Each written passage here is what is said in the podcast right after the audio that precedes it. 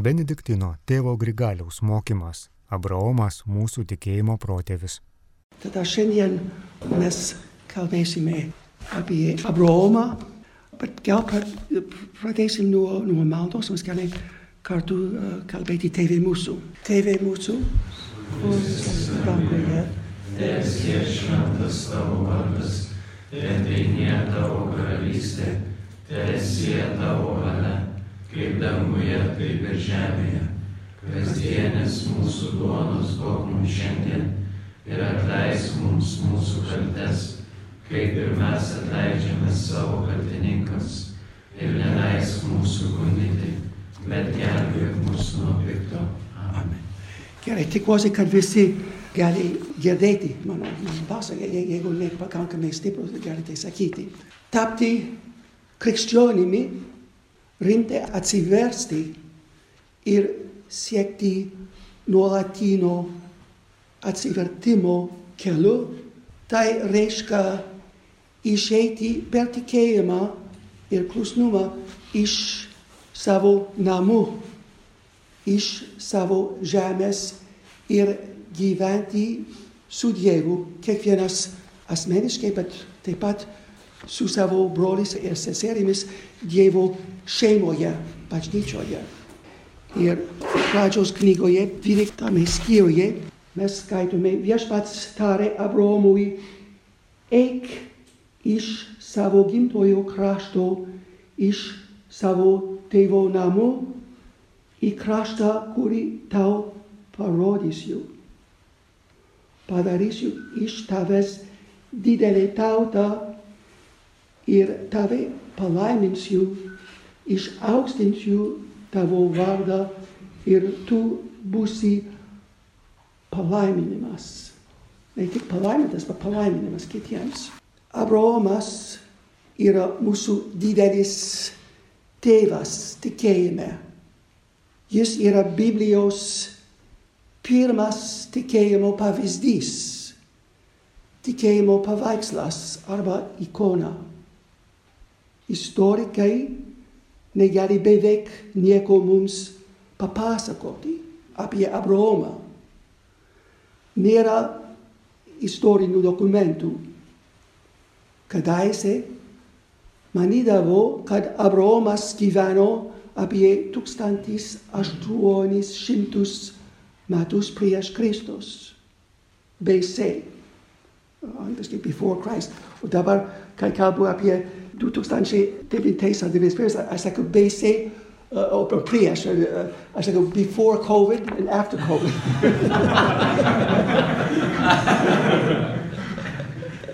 Nes atrodo, kad mūsų pasaulis tikrai pasikeitė ir nauja era. Tai nesvarbu, mums svarbu, kad su Abraomu tikrai prasideda išganimo istorija. Dievo išganimo plano apreiškimas ir žmogaus atsakymas Dievui per tikėjimą. Iš tikrųjų, tai yra nuo pradžios knygos 12 skyriaus, o prieš tai yra 11 skyrių pradžios knygos, tai yra prieš istoriją. Visiškai negrįstama uh, istorinių įvykius, bet yra Izraelyje buvo nuo simbolių, nuo legendų ir mitų padarytų tam tikrą teologinę konstrukciją, norint paaiškinti, kokia buvo žmogaus padėtis Dievo atžvilgiu nuo pradžios. Bet uh, manoma, kad tikra istorija prasideda su Abraomu, nes uh, nėra konkrečių dokumentų išskyrus Biblijų, bet vis tiek buvo, galime situuoti jį artimų rytų kontekste. Savo žmogiškojų protų ir galomis mums jau yra įmanoma suvokti ką nors apie Dievą. Nes reikia skirti tarp, ką mes galime, ką Abraomas galėjo žinoti per savo protą ir ką jis gavo per apreiškimą. Mes galime tam tikrą prasme tikėti, kad Dievas yra, kad jis egzistuoja kaip pasaulio ir žmogaus pirma priežastis, kaip viso grožio gero šaltinis, kaip žmogaus sąžinės vertybių pirmas pagrindas. Jeigu Dievas nėra, nebeįmanoma suprasti ir paaiškinti visų tų svarbiausių dalykų buvimą. Ir ateistams ne, nepavyko. Tada, jeigu Dievas nėra, gyvenimas yra beprasmiškas, absurdas. Visa tampa iliuzija. Bet tikėti antgamtinė arba krikščioniška prasme reiškia žymiai daugiau. Mūsų tikėjimas yra kartu paprastesnė ir gilesnė realybė. Ir laiškė žydams ar laiškė hebrajams, kaip dabar reikia versti, yra rašoma 11 skyriuje, be tikėjimo neįmanoma patikti Dievui. Kas artinasi prieš Dievo, tam būtina tikėti, kad jis yra ir kad jiems atsilygina. Tada yra du dalykai - tikėti ir tikėtis. To have faith and to hope. Tikėti, kad jis yra. Tikėti reiškia suprasti, kad Dievas yra. Viešpats sakė Mozei iš degančio ir nesudegančio krūmo, aš esu Jahve. Ir šitas vardas turi tris prasmes. Aš esu, kas esu. Pirmas, aš žinau, kad niekas kitas negali, bet, bet, bet niekas kitas negali tai žinoti, tai mano vidinio gyvenimo paslaptis. Antra prasme, aš esu tas, kuris yra. Tik aš tikrai esu savo buvimas. Aš esu visų kitų būtybių egzistencijos šaltinis ir priežastis. Tai yra daugiau metafizinė prasme, filosofinė. O trečias, aš esu jums. Visada būsiu su jumis kaip jūsų tėvas ir draugas. Aš noriu su jumis padaryti savo amžinąją sandorą. Tad tikėti reiškia suprasti, kad Dievas yra mano tėvas, mano draugas. Suvokti, kad Dievas mane myli ir kad aš esu pašauktas gyventi bendrystėje su juo, dalyvauti taibes divanime. Taira dievo slepinis, Tik iis galeo mums aprecti savo širdies paslapti, savo vidinio divanimo slepini. Sti kurium, met žmogis tai, mes, kai tu isimilei, jeigu mergina, jeigu tu nei sakei, jai, i, i, i, Gali būti, kad tam tikrai ženklai, kad, kad yra meilė, bet tau reikia apreišti tavo meilę. Dievas taip pat mums turėjo mums apreišti savo meilę, bet taip pat apreišti, kas jis yra. Tik Dievas galėjo mums apreišti savo širdies paslapti, savo vidinio gyvenimo slėpinį, kuris iš tikrųjų viršuja viską, ką mes galime suvokti. Jis pradėjo save apreikšti Abraomui, kaip rašoma pradžios knygos 12 skyriuje. Ir kaip sakiau, Biblijoje mums moka taip pat, kad pirmi sukurti žmonės, Adomas ir Jėva, jau gavo antgamtinį Dievo apreiškimą. Tačiau vienuolik pirmų pradžios knygos skyrių yra ne istorija, bet prieš istoriją, kuri naudoja ne istorinių dokumentų, bet senus mitus, simbolius ir legendas, norint pateikti svarbas teologinės tiesas apie Dievą ir apie žmogų, apie žmogaus būseną ir apie pasaulį, taip pat, kad Dievas yra sukūrė pasaulį. Bet tai buvo padaryta žymiai vėliau, gal Dovydo karaliaus arba Sal Salimonų laikais Izraelio išminčių darbo. antras tarikas tikėti, kad Dievas jo ieškantiems atsilygina. Tai yra viltis arba pasitikėjimas. Prancūzijoje 17 amžiuje kai kurie žmonės vadinami kvietistais manydavo, kad viltis atsilyginimo iš Dievo troškimas yra netobulas, savanaudiškas, egoistiškas. Jie norėjo panaikinti viltį ir turėti vien tik tariamą nesavanaudišką meilę. Pagal jos man neturėtų būti svarbu, ar pateksiu į dangų arba pragarą, jeigu tik Dievas bus pašlovintas. Buvo viskupas Fenlonas ir tokia pona uh, Madame Guillaume, kurie palaiko šitą nuomonę. Bet mes matome, kad tai netiesa. Mūsų viltis patinka Dievui, jis reikalauja iš mūsų vilties ir pasitikėjimo. Iš tikrųjų, nesavanaudiška meilė Dievui egzistuoja. Yra, tai yra agapė. Ji yra dvasinio gyvenimo aukščiausias lygmuo. Kaip mes taip stipriai mylime Dievą, kad nebegalvojame apie save. Mes visiškai užmirštame save. Bet ši tobula meilė yra būtinai pastatyta ant tikėjimo ir vilties pamatų. Viltis liečia, ko, ko mums reikia. Ir tai yra visiškai teisėta. Tai galime, taip, mes galime dažnai pakartoti ir apmastyti savo vilties arba pasitikėjimo Dievo aktą.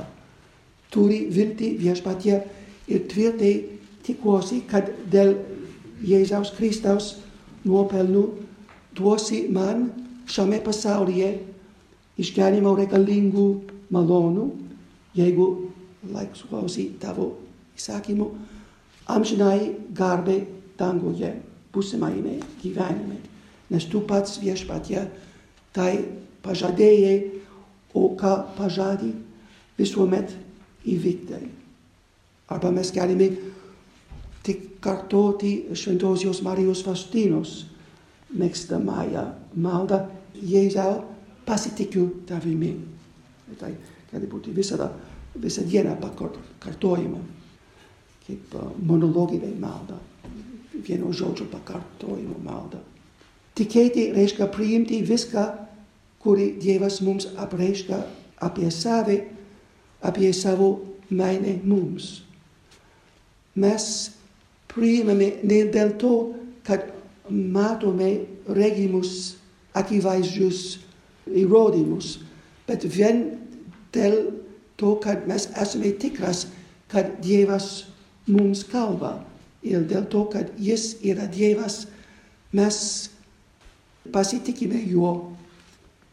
Dievas mums atlygins, Jis pats bus mūsų atlyginimas.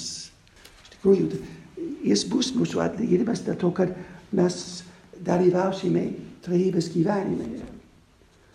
Ir yra viena vieta pradžios knygoje, kur pagal hebrajišką tekstą Dievas sako Abraomui, tavo atlygis, atlyginimas bus didelis, labai didelis. Bet šventas Jeronimas vertė iš kito teksto, kur rašoma, kad aš pats būsiu tavo labai didelis atlyginimas. Tai tikrai yra tiesa dar stipriau. Prašau jūs.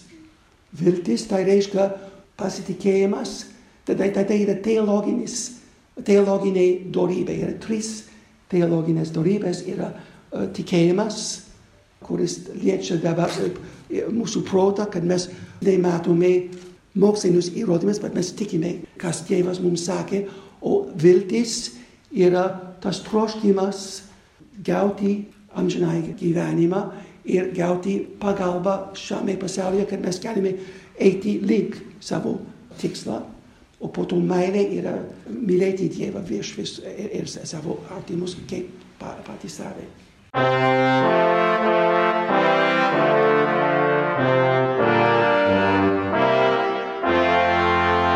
Čia Marijos radijas.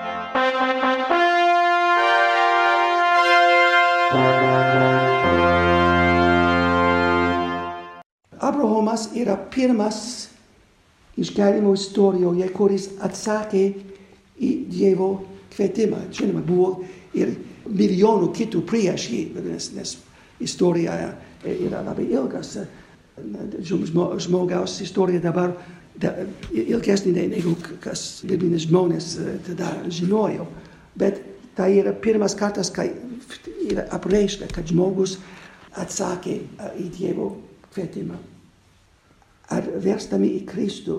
Ir taip pat galima, Abraomas yra pirmas iškelimo istorija, kuris atsakė į Dievo kvietimą, kai Dievas jam sakė, išeik iš savo krašto, iš savo tėvo namų, į kraštą, kurį tau parodysiu.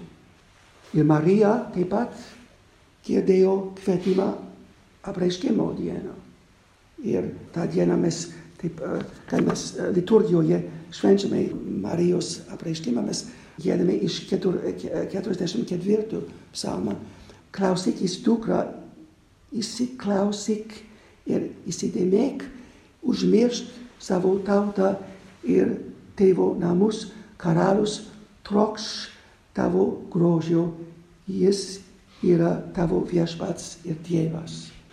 Atsiverstami į Kristų mes girdėjome taip pat panašų kvietimą ir mes atsakome į tokį kvietimą.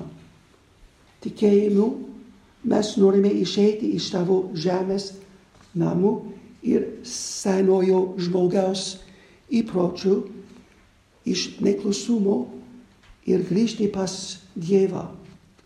Mes žinome kelią atgal. Kiekvieną dieną yra gundimas sugrįžti atgal.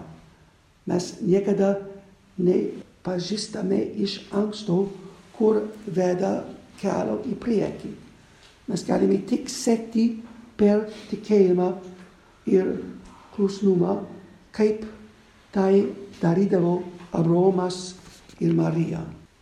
Prieš girdėdamas Dievo balsą, prieš palikdamas savo kraštą, galime manyti, kad Abraomas jau tikėjo Dievą tam tikrą prasme. Jis buvo geras pagonis. Pas pagonius jau yra protingi ir durabingi apmąstymai apie Dievą.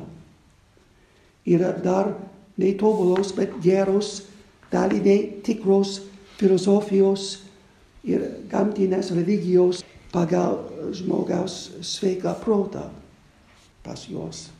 Tačiau pas pagonus šiandien kaip praeitie taip pat yra daug klaidų. Aš ne pagonistė, aš labai plačiai naudojasi šitą žodį. Ne, ne tik pagonus dabar pagoniai Lietuvoje, kurie nori, nori atnaujinti tą seną religiją, bet visi, kurie ne, yra ne, ne žydai, ne, ne, nepriklauso mūsų apreiškimam, žydų krikščioniškų. Šiandien kaip praeitie ir daug pakrikštųjų yra tam tikrą prasme sugrįžę, sugrįžęs į pagonystę vienaip ar kitaip. Šiandien, kaip praeitie, yra taip pat daug klaidų, yra ypač visokių stabmeldystės formų. Ir pilnai atsiverstami į Dievą, jiems reikėjo ir mums dar, mums dar reikia ypač išeiti iš stabmeldystės, nes mes ten gyvenome yra mūsų nuolatinė pagunda ten sugrįžti. Stabmeldystės gali būti pinigai, turtas, įvairios priklausomybių formų. Smurtas, noras valdyti kitus, egoizmas, taip toliau. Per krikštą mes jau esame pašaukti palikti visą tai. Tačiau galime manyti, kad Abraomas buvo geras pagonis, tato jis nusipelnė gauti Dievo, bet vis tiek yra Dievo malonė. Buvo geras pagonis, prieš jo atsivertimą jis gyveno dorybiškai pagal sąžinę, jis pažino protų Dievo buvimą. Ir po to Dievas pradėjo jam kalbėti jo širdyje. Ir mes taip pat girdėjome Dievo kvietimą, pradėjome suprasti, kad Dievas savo apvaizdą veikia mūsų gyvenime, gyvenimo įvykiuose. Ir dėl to mes nusprendėme sekti Kristų. Abraomas paliko tėvynę ir namus, bet jis neišėjo vienas. Jis su juo keliavo savo žmoną, Sara ir savo sunenas Lotas. Ir mes taip pat, kai mes pradedame savo tikėjimo kelionę, mes turime atnešti su savimi kiti, kurie mažai tiki arba ne dar netiki, atnešti juos savo širdyje. Ir mes matysime, kad Sara, ypač Lotas, yra silpno tikėjimo pavyzdžiai. Ir Lotas kaip pat jau silpno vyriškumo pavyzdys. O Abraomas duoda tikras vyriškumo pavyzdys dėl to, kad jis realizuoja savyje geriau Dievo paveikslą, Dievo tėvo paveikslą, Kristaus paveikslą. Bet uh, dabar toliau kalbėsiu apie Abraomą, bet dabar man atrodo, kad reikia sakyti, kad kiekvienas iš mūsų turi savo išganimo istoriją. Tada istorija apie Dievą, kuris įsiveržia į mūsų gyvenimas. Ir dabar galbūt jums būtų įdomu ir girdėti vieną uh, mano truputį liūdėjimą, kaip Dievas ėjo į mano gyvenimą. Buvo labai kelias, kuris netiesa, bet buvo daug vingojimo. Bet uh, aš gimęs Amerikoje 1949 metais, aš, man 72 metų. Ir uh, bet gyvenimas taip, taip greitai išėjo, kad uh, praėjo. Bet uh, mano tėvai buvo nepratikuojant. Mano tėvelis buvo itališkos kilmės. Man senel, visi seneliai buvo iš Europos į Ameriką atvažiavę. Plaukė prieš pirmą pasaulinį karą. O mano tėvelis buvo itališkos kilmės, katalikas, pakrikštytas, bet jis nebepratikavo, buvo agnostisas. O mano mamos tėvai buvo iš Lietuvos į Ameriką. Ir taip pat seneliai buvo katalikai pradžioje, bet Amerikoje prarado katalikų tikėjimą ir tapo Jehovos liudytojas. ir dėl to, kad mano tėvelis religija jam buvo nesvarbu, mano, uh, ne kaip mama mažiau, bet mano močiutė ir uh, tata, labai uolos Jehovos liudytojos, man davė pirmą katekezę iki 12 metų. Ir tai, žinoma, yra fundamentalistė, yra klaidinga daug atžvilgių. Kita vertus, buvo pozityvų dalykų, nes jie labai mėgsta skaityti šventą raštą, jie blogai paaiškina, bet vis tiek tas kontaktas su šventą raštą buvo kaip pirmas seklas, taip pat tėvo mūsų malda, taip pat jie turi bendruomenės jausmas. Tarp jų yra, visi yra broliai seserys, jie palaiko viens kitas, žmonės iš išorės vienintelis bandymas yra personalizmas, bandyti traukia į jų, į jų ratą, bet po to jeigu tu neįeini, tada jie, jie nebendrauja. Uh, o jie mano, kad jie yra vienintelis, kuris bus išgelbėtas, kad, kad uh, Kristus ateis labai greitai ir bus, uh, kaip sakau, Armagedonas, kad viskas bus uh, panaikintas ir bus rojus pasaulyje ir taip toliau. Bet buvo taip pat klaidingų dalykų, ypač kad jie nega Kristaus dievystę. Tai yra arionizmas. Kristus yra tik pagal jų pirmas Dievo kūrinys. E, Yra preexistencija pas jų, bet jis yra kaip angelas, kuris buvo sukurtas Dievu ir po to kaip demiurgas e, neoplatonizmai. Ir kad jis sukūrė pasaulį, bet jis taip pat yra, buvo laikas, kai jis nebuvo, kai jis buvo sukurtas ir jis sukūrė pasaulį, po to jis buvo siūstas kaip žmogus, kaip klinus žmogus į pasaulį, pamokymą apie Jahve, apie savo tėvą. Ir Jahve yra iš tikrųjų Seno testamento Dievo karikatūra, nes yra daugiau kaip Allah, kad yra interesanti, kad su juo kiek gali būti garbinti, adoroti, bet ir būti pavaldus, bet nėra kaip dalyvavimas jo gyvenime. Mes kalbame apie, kad žmogus bus sudėvintas, tada mes bus ta, ta, tikrai Dievo tapsime Dievo sūnumis ir, ir, ir, ir dukterimis ir mes atspindėsime Dievo šlovę, bet tai neįmanoma, nes jie nega trejybės slėpinys. Trejybės slėpinys reiškia, kad Dievas uh, yra vienas, žinoma, bet jis yra ne monolitas, bet Dievas, tada tas vienas Dievas yra jau bendravimas, yra komunikavimas, yra dalyvavimas tam tikrą prasme, kad tėvas viską save atiduoda savo, savo sūnui, kuris yra jo paveikslas, jo tobula išmintis ir šventoji dvasia yra meilė tarp tėvo ir sūnus. Trejybė yra kaip Dievo pasaulis, vieno Dievo pasaulis.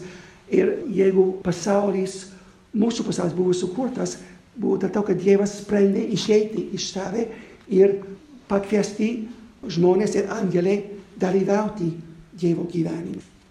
Bet tada tas pirmas mano Dievo suvokimas buvo, buvo klaidingas ir aš įsivaizdavau Dievą daugiau kaip policininkas, kuris žiūri mus ir, ir, ir reikia paklusti. Tai iki 12 metų.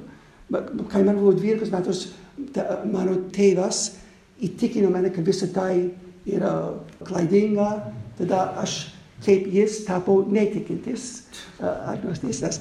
Ir tarp 12 ir 20 metų ieškojo savo kelio.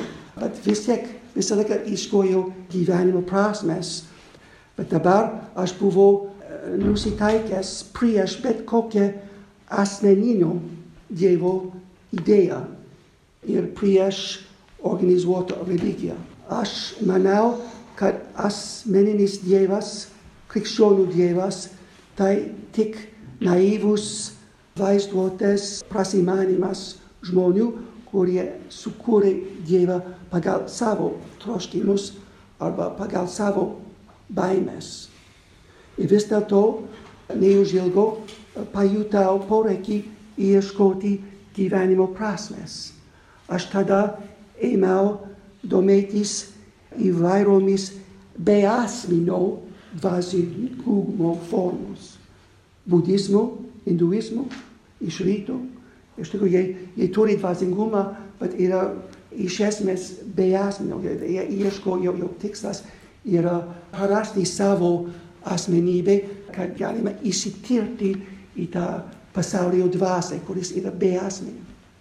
O mes atvirkščiai, mes tikime, kad mes esame sukurti pagal Dievo paveikslą ir kad mes norime bendrauti su juo, bet ne, ne, ne, mes turime prarasti savo egoizmą. Bet išėjau, išėjau, egoizmas yra kaip uh, tikro asmenybės ir vyriškumo, moteriškumo karikatūra.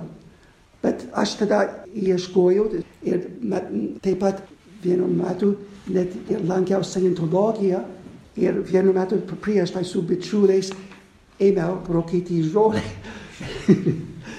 ir uh, eksperimentai su psichedeliais, uh, narkotikais, LSD, bet ieškot nirvaną. Ne, nebuvo dėl malonumo, buvo ta, tas idėjas tada, kad jeigu kad, uh, rytiečius reikėjo visą ilgą laiką askezėjimą, bet kiek galima labai greitai pasiekti. Tai buvo žinoma klaidingas. Bet po to pradėjau lankyti bažnyčią dėl vieno, vienas draugas, nes aš grojau baleto mokykloje ir esu muzikantas. Ir vienas draugas, kur bendradarbis, pakvietė į bažnyčią, pradėjo lankyti katekizmų kursą ir po to per atostogas mes kartu važiavome į Prancūziją. Ir mes, uh, mano draugas uh, pakvietė lankyti Solem vienuolyną. Ir tada mes buvome čia, tas buvo 71 metais, mes buvome tarsi hipis, sugrįžo į Ameriką ir po to buvo pakrikštytas per Velykas 72 metais ir po to pradėjau galvoti apie tą Vilmarsų gyvenimą ir geriau gerai aš įstojau vienuolyną. Ir, bet uh, geriau daugiau kalbėti, bet, bet uh, tai, tai yra tik parantezė. Tada ruošdamas krikštui, pagaliau buvau įsitikinęs, kad Dievas nėra tas tolimas, dažnai rūstus šeimininkas, tas nuolat būdintis policininkas, kurio Jehovos liudytojai mane moko bijoti. Kita vertus, aš supratau, kad jis nėra tas neapibrėžtas, difuzinis, beasmenis dvasinis principas, kuriame, būdamas šiek tiek pasimetęs paauglys, svajojau prarasti arba ištirpinti savo asmenybę. Ir kartais šiandien nemažai tarumų rafinuotų žmonių įsivaizduoja, kad ši budistų dvasingumo samprata yra pranašesnė už mūsų vakarietišką asmeninio Dievo savoką. Jie prikaištauja, sakydami, kad asmeninio Dievo savoka yra primityvi, naivi, kad žmogus sukūrė Dievo asmenį pagal savo troškimus arba savo baimę, kaip pavyzdžiui mano vaikystės Dievo policininką. Asmeninis Dievas tai būtų tarsi mūsų pasąmonės projekcija, a projection of our unconscious. Tačiau galima atsakyti, kad mes esame sukurti pagal Dievo paveikslą ir ne atvirkščiai. Dievas kuo tobuliausiai realizuoja savyje asmens savoką. Gyva, protinga, laisva būtybė, sugebanti įeiti į bendrystės ryšius su kitais asmenimis. Dievas yra asmens savokos prototipas arba archetipas. Žmonės ir angelai yra asmenys tik netobulai ir analogiškai, palyginant su juo asmenimi, tai reiškia turėti protą, universalų suvokimą ir laisvą valią. Dievas yra dosnus, karštai mylintis tėvas. Jis yra tėvas taip intensyvai, kad nuolat gimdo ir neša savo glėbyje, tai reiškia šventosios dvasios meilėje, savo amžinai sūnų, kuris yra jo žodis, jo tobulas esybės paveikslas, jo šlovės atšvaitas, kaip parašyta laiškė hebrajams pirmame skyriuje. Negana to prieš pasaulio sukūrimą, kaip rašo Paulius laiškė Efeziečiams, tėvas laisvai įsirinko mus savo sūnuje. Jis laimino mus visokiojopai dvasinė palaima. Jis iš anksto paskyrė mus per Jėzų Kristų tapti jo įsūniais. Šis dieviškasis sprendimas išeiti iš savęs, mus įvaikinti Kristuje Jėzuje yra iš tikrųjų vienintelė priežastis, dėl ko Dievas išeidamas iš savęs sukūrė pasaulį. Ir pradžios knygoje, pirmame skyriuje, sakome, kad Dievas davė įsakymus. Tegul būna šviesa, tegul būna saulė ir žvaigždės, tai jis kaip generolas. Bet kai žmogus sukūrė, jis kitaip darė, jis sakė, padarykime žmogų pagal mūsų paveikslą ir panašumą. Tai reiškia, kad kai tu duodi įsakymus, tu ne, nėra įsipareigojimas, tai yra išorės. Bet kai jis padarė tarybę, tai reiškia, kad jis nori ką, ką nors iš savęs duoti ir atidaryti save kitam būtybei. Ir tai yra kitas lygmo. Kai žmogus buvo padaryta pagal Dievo paveikslą, ir panašumą yra pagal bažnyčios tėvai du dalykai. Padaryti pagal Dievo paveikslą, tai yra gauti tą pirmą brėžinį. Mes turime laisvą valią, mes turime protą, suvokimą, bet po to panašumas tai reikalauja, kad mes eitume keliu, kad mes taptume vis daugiau panašų į Dievą. Ir Dievas yra meilė, tada ir mes galime tą daryti tik per meilę, per savas dovanojimas kitiems. Tada šis dieviškasis sprendimas mus įvaikinti Kristų Jėzuje ir iš tikrųjų vienintelė priežastis, dėl to Dievas išeidamas į save sukūrė pasaulį. Tai buvo pirmasis tikrai didysis sprogimas, meilės sprogimas, kuris įvyko Dieve prieš pasaulio sukūrimą. Dar prieš kosminį didįjį sprogimą įvykusi pagal mokslininkus materialinės visatos pradžioje. Iš tikrųjų, kai, kai buvo atsikūrimas pagal šitą hipotezę, pasaulyje pradėjo savo evoliuciją, bet evoliucijos tikslas buvo žmonės iš tikrųjų. Bet kai, kai žmogus buvo po visų gyv, gyvybių evoliucija, tai žmogus, žmogas kūnas buvo paruoštas, kad Dievas davė tą amžinai sielą, ir, kad, kuris leidžia žmogui suprasti, kad jis yra Dievo kūrinys, kad gali įeiti į santykius su Dievu. Jis ne, ne, nebėra, nebėra tik gyvūnis, bet jis yra dvasinis būtybės, materialis ir, ir dvasinis kompozicija. Dievas iš anksto numatė mus ir paskyrė mus tapti panašus į jo sūnų, kad būtume šventi ir nesutepti jo akivaizdoje. Kaip Dievo vaikai mes dabar esame pašaukti tapti šventi, nes mūsų tėvas yra šventas. Girdėjote Benediktino tėvo Grigaliaus mokymą Abraomas mūsų tikėjimo protėvis.